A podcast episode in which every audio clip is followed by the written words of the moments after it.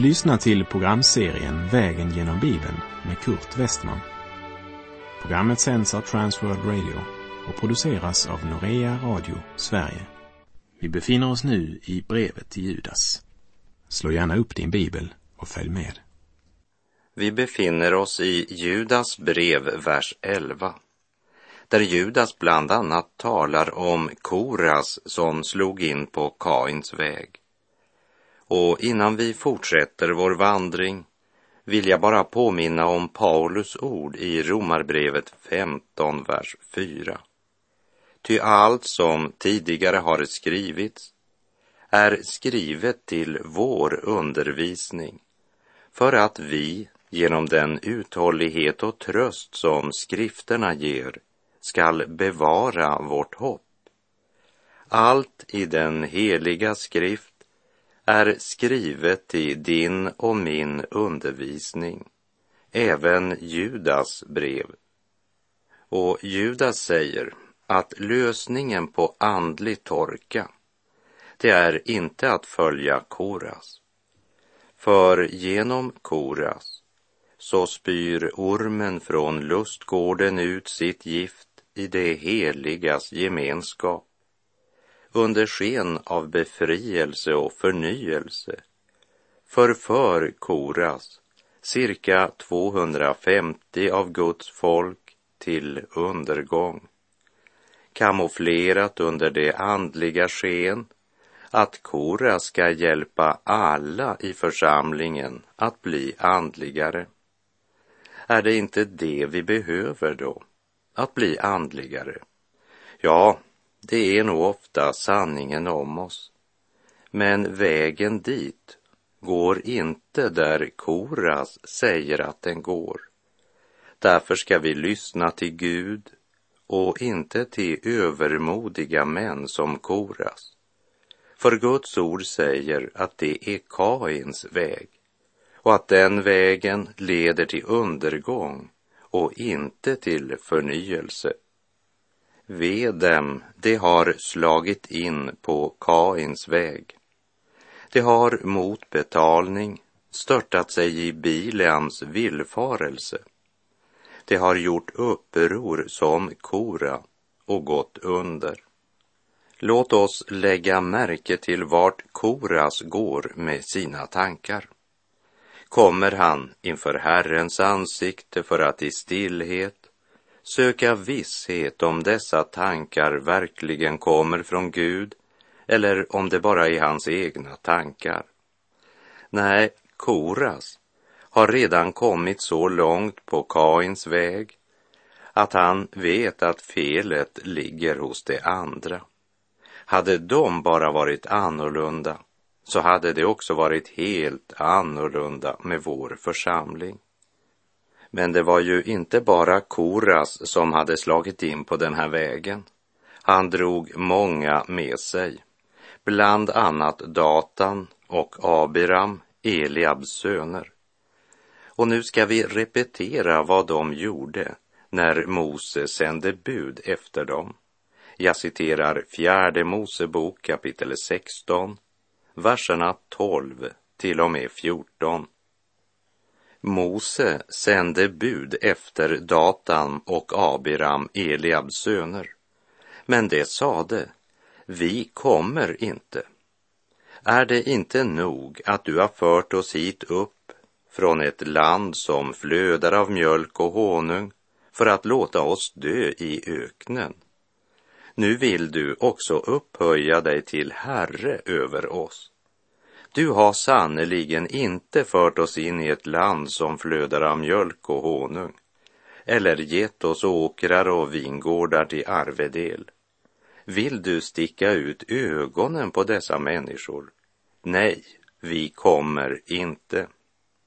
Det som dessa Koras efterföljare säger till Mose, det är mycket avslöjande för den inställning som intar det Guds barn som slagit in på Kains väg. Man vill veta vad man tjänar på det. Vad kan jag vinna?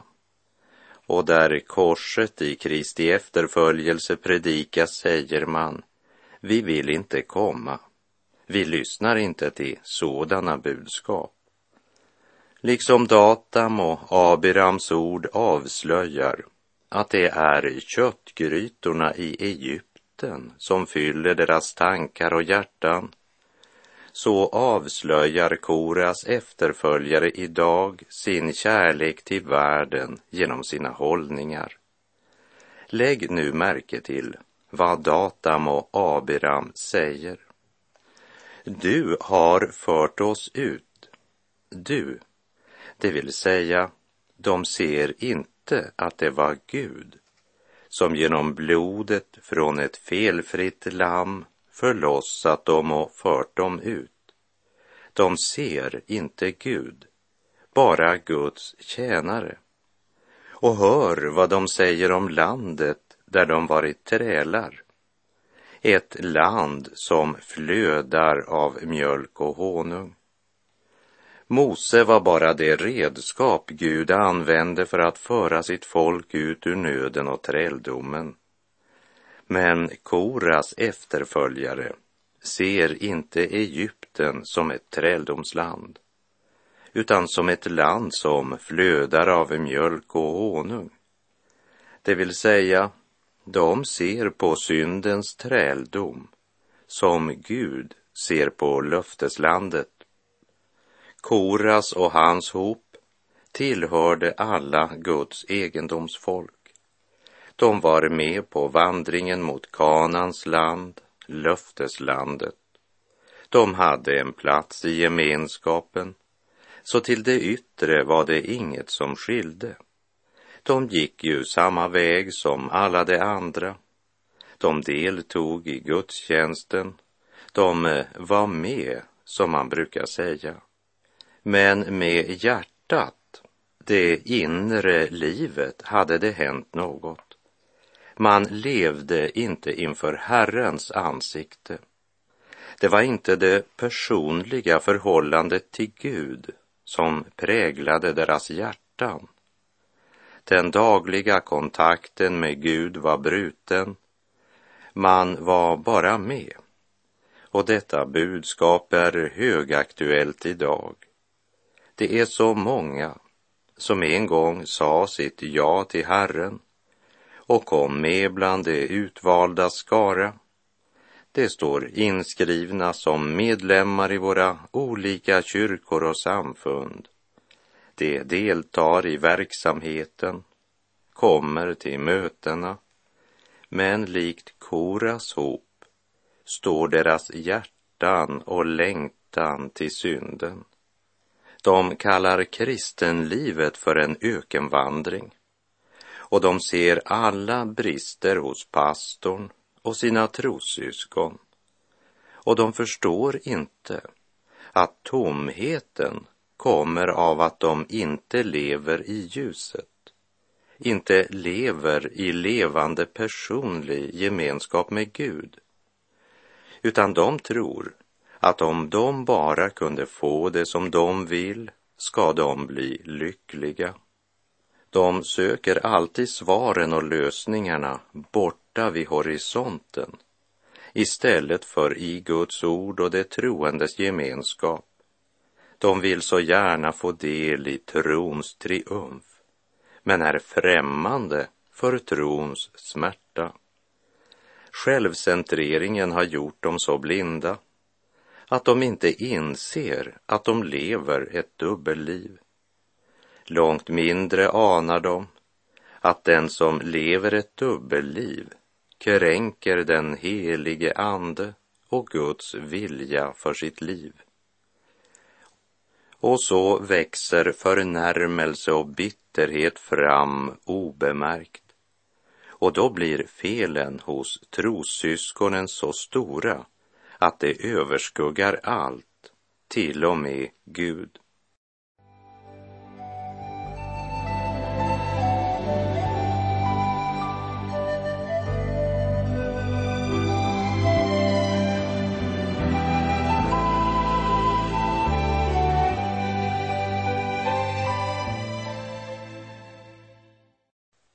Hör vad de anklagar Mose för Fjärde Mosebok 16, vers 14. Du har sannerligen inte fört oss in i ett land som flödar av mjölk och honung eller gett oss åkrar och vingårdar till arvedel. Tänk dig in i Moses situation. Några kapitel tidigare i fjärde Mosebok berättas om hur Mose sände ut spejare för att få en rapport bortom förhållandena i kanan. Och spejarna kommer tillbaka och säger, det flyter verkligen av mjölk och honung. Men så tillägger de, men vi kan inte dra upp mot detta folk, för de är för starka för oss. Gud hade lovat och sagt att han skulle strida för dem. Han skulle ge dem Kanans land till arvedel. Men folket räknade inte med Gud. Man räknade bara med sin egen styrka. De är för starka för oss. Guds marschorder var Gå och inta kanan, jag skall vara med er. Men man var inte så noga med vad Gud hade sagt. Man gjorde det man själv menade var möjligt, gjorde så som man själv kände, till Moses stora sorg och förtvivlan. Och Herren säger då till Israels folk, fjärde Mosebok 14, vers 34. Så som ni under 40 dagar har bespejat landet, så skall ni under 40 år, ett år för varje dag, komma att bära på era synder. Ni ska då erfara att jag tagit min hand ifrån er men Koras och hans hop, de är så förblindade att de inte förstår att det är deras egen synd och olydnad som gjort vandringen till löfteslandet till en ökenvandring.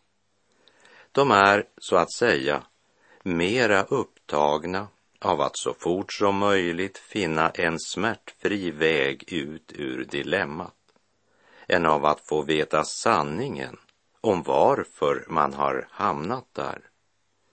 Det enda ljuset i den mörka berättelse om Koras och hans hop, det är att Koras söner inte gjorde sin far sällskap i upproret mot Mose och Aron. Därför står det också i fjärde Mosebok 26, vers 11, när det berättas om hur de drabbas av Herrens dom och jorden som öppnade sitt gap och uppslukade Koras med alla som valt att följa honom. Då står det i fjärde Mosebok 26.11. Men Koras söner omkom inte. Jag känner behov av att be, Herre, förbarma dig över oss. Herre, utlämna oss inte åt oss själva och vår egoism Herre, lyft vår blick och hjälp oss att söka det som är där ovan, där Kristus sitter på Guds högra sida. Herre, bevara oss för frestelsen att slå in på Kains väg. Koras slog in på den vägen. Det blev hans undergång. Ve dem, de har slagit in på Kains väg. De har mot betalning störtat sig i Bileams villfarelse. De har gjort uppror som Kora och gått under. Och i vers 12 och 13 i Judas brev fortsätter han att tala om dessa som slagit in på Kains väg och han säger Det är smutsfläckar vid era kärleksmåltider dessa som utan att skämmas festar tillsammans med er och tar för sig. Det är moln utan vatten som drivs bort av vindarna. Det är träd utan frukt på senhösten, dubbelt döda, uppryckta med rötterna. Det är vilda havsvågor som kastar upp sina skändligheters skum Det är irrande stjärnor åt vilka det svarta mörkret är förvarat för evigt. Smutsfläckar vid era kärleksmåltider. Det är starka ord. I en annan översättning står det det är dolda skär vid era kärleksmåltider. Undervattensskären är mycket farliga för ett fartyg. Det är dessa dolda faror som gör fartyget till ett vrak. Med andra ord handlar det om sådana som får folk att lida skeppsbrott i tron, som Paulus uttrycker det. Och han skriver så här till sin medarbetare Timoteus i första Timoteusbrevets första kapitel, vers 18 och 19. Detta uppdrag att förmana anförtror jag åt dig, mitt barn Timoteus, i enlighet med det profetord som en gång uttalades över dig, för att du i kraft av dem ska kämpa den goda kampen i tro och med ett rent samvete. Detta har somliga stött ifrån sig och lidit skeppsbrott i tron. Judas talar om det dolda skär som kommit in i församlingen. Dessa smutsfläckar, som han säger, som utan att skämmas festar tillsammans med er och tar för sig. Dessa kärleksmåltider eller kärleksfester som hölls i den kristna församlingens första tid innan man firade nattvard det var en gemenskap där de troende tog med sig mat och hade en måltid tillsammans. De fattiga hade inte möjlighet att ta med sig så mycket. Men det var en tid då man delade det man hade. Men så kom dessa villolärare som hade stor aptit. Utan tanke på andra tog de för sig frikostigt och det sägs inget om de själva hade något med sig eller inte. Och Judas säger att de är moln utan vatten, det vill säga de är inte vad de ger sig ut för att vara. Fasaden är nog imponerande. Men hur regntunga molnen än ser ut kommer det inget vatten. Det är moln utan vatten som drivs bort av vindarna. Med andra ord, den väg de väljer, det beror helt och hållet på åt vilket håll det i ögonblicket blåser. De följer mängden. Imponerande träd som alltid tycks stå där det sker något. De håller sig framme när de tror att det är något på gång. De är duktiga på att göra sig hörda och många tror att de är viktiga för församlingens arbete. Men sanningen om dem är att de är smutsfläckar, säger Judas. Deras lövverk är mycket imponerande och de suger egoistiskt till sig allt de kan men trots att det är senhöst bär de ingen frukt som är till nytta för de andra i gemenskapen. Det är tjänaresinnet som saknas. De är livliga och högljudda, men inte fulla av liv, utan med sitt livliga uppträdanden är de faktiskt dubbelt döda. Döda på så sätt att de har inget verkligt bestående eller uppbyggande att bidra med. Och inför evigheten, ja, då är det bara undergången som väntar dem. Så låt er inte bedras.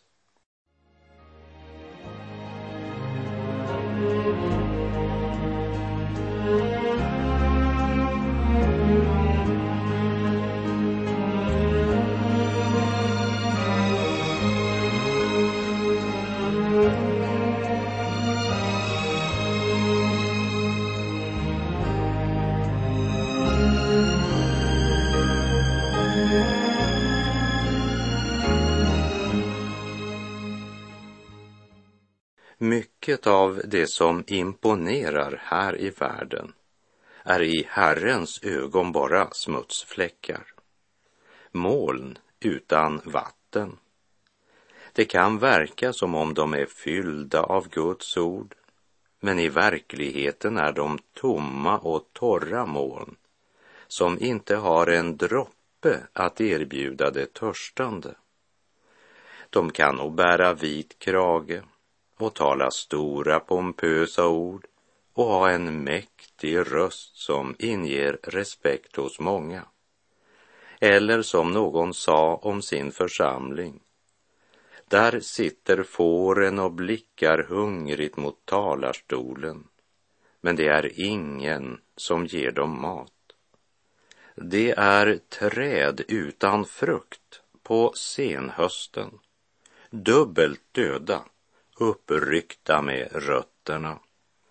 När Herren Jesus undervisade och varnade för falska lärare sa han, på deras frukt ska ni känna igen dem, som det står i Matteus 7, vers 16. Judas säger att dessa falska lärare bar ingen frukt. De var dubbelt döda, uppryckta med rötterna. Och med uppryckta rötter kan det bara sluta på ett sätt. De vissnar och dör. De bar ingen frukt till Guds fruktan och helgelse. Inte kunde de förbinda det sårade, inte trösta det sörjande, inte mätta det hungrande och inte väcka eller varna dem som levde i synd. För deras rötter är inte planterade i Guds ord. Dubbelt döda, det talar också om att den människa som en gång blivit född på nytt kan avfalla från tron. Och då går de från att vara född två gånger till dubbelt döda. De var andligt döda. Det uttrycker Paulus så här i Efeserbrevets andra kapitel, vers 1 och 2. Också er har Gud gjort levande ni som var döda genom era överträdelser och synder. Tidigare levde ni i dem på den här världens vis och följde härskaren över luftens välde, den ande som nu är verksam i olydnadens söner. Den ande som nu är verksam i olydnadens söner det vill säga verksam i den värld som lever utan Gud och verksam hos de bekännare som slagit in på Kains väg. Det är vilda havsvågor som kastar upp sina skändligheters skum. Det är irrande stjärnor åt vilka det svarta mörkret är förvarat för evigt. Först talade han om att de var som moln som fördes hit och dit av vinden. Sådana som kikar lite i tidningarnas nyhetssidor för att hitta något aktuellt att tala om på söndag förmiddag. Eller också är det något de har sett på tv. Men nu tillägger Judas att de är som vilda havsvågor de kan inte stå stilla i predikstolen utan springer hela tiden fram och tillbaka och skriker ut sitt budskap. Drivna av rastlöshetens passion säger de sig förkunna kraft och frihet, men fridens väg känner de inte. Paulus beskriver det så här i Romarbrevet 3, vers 16 och 17. Förödelse och elände råder på deras vägar och fridens väg känner de inte. De har inte Guds fruktan inför sina ögon. det är irrande stjärnor, säger Judas. Irrande stjärnor är stjärnor som bara irrar omkring i rymden. De följer inga lagar, ingen bestämd kurs, bara irrar omkring. Alltid i rörelse, men inte under Guds ledning. För de har inte Guds fruktan för sina ögon. Och så kommer den tragiska och mycket allvarliga avslutningen som sammanfattar dessa falska lärare. Det är irrande stjärnor åt vilka det svarta mörkret är förvarat för evigt. När vi läser de orden av Herrens apostel Judas så förstår vi varför han började talet om dessa med ett verop. Ve dem, de har slagit in på Kains väg, gjort uppror som Kora och gått under. O syndare, var har du din tillflykt? Och vad vill du göra idag? Du lever för rikdom och ära, är offer för världens bedrag. Men tänk på din själ som så fattig ska vandra den eviga stig.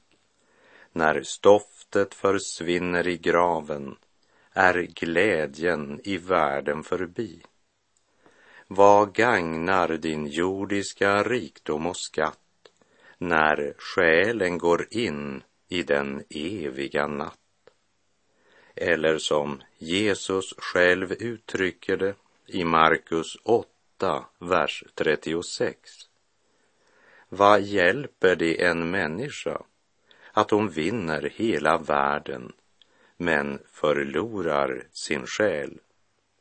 Klippa du som brast för mig, låt mig gömma mig i dig.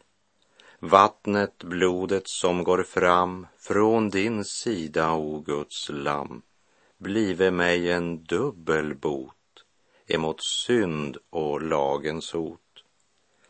Vid vart flyktigt andetag och när jag skall dö en dag, när till okänt land jag går, när inför din dom jag står, klippa du som brast för mig, låt mig gömma mig i dig.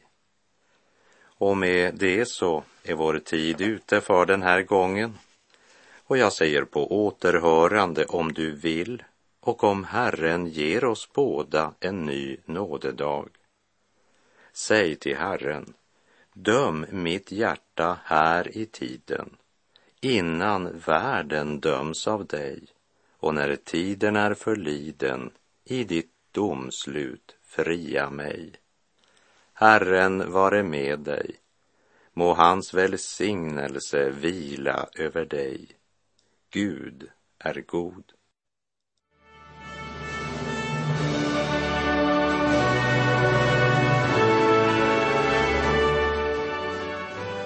Du har lyssnat till programserien Vägen genom Bibeln med Kurt Westman som sänds av Transworld Radio. Programserien är producerad av Norea Radio Sverige. Om du önskar mer information om vårt radiomissionsarbete så skriv till Norea Radio Sverige, box 3419 103 68 Stockholm. Adressen är alltså Norea Radio Sverige, box 3419. Postnumret 10368 Stockholm.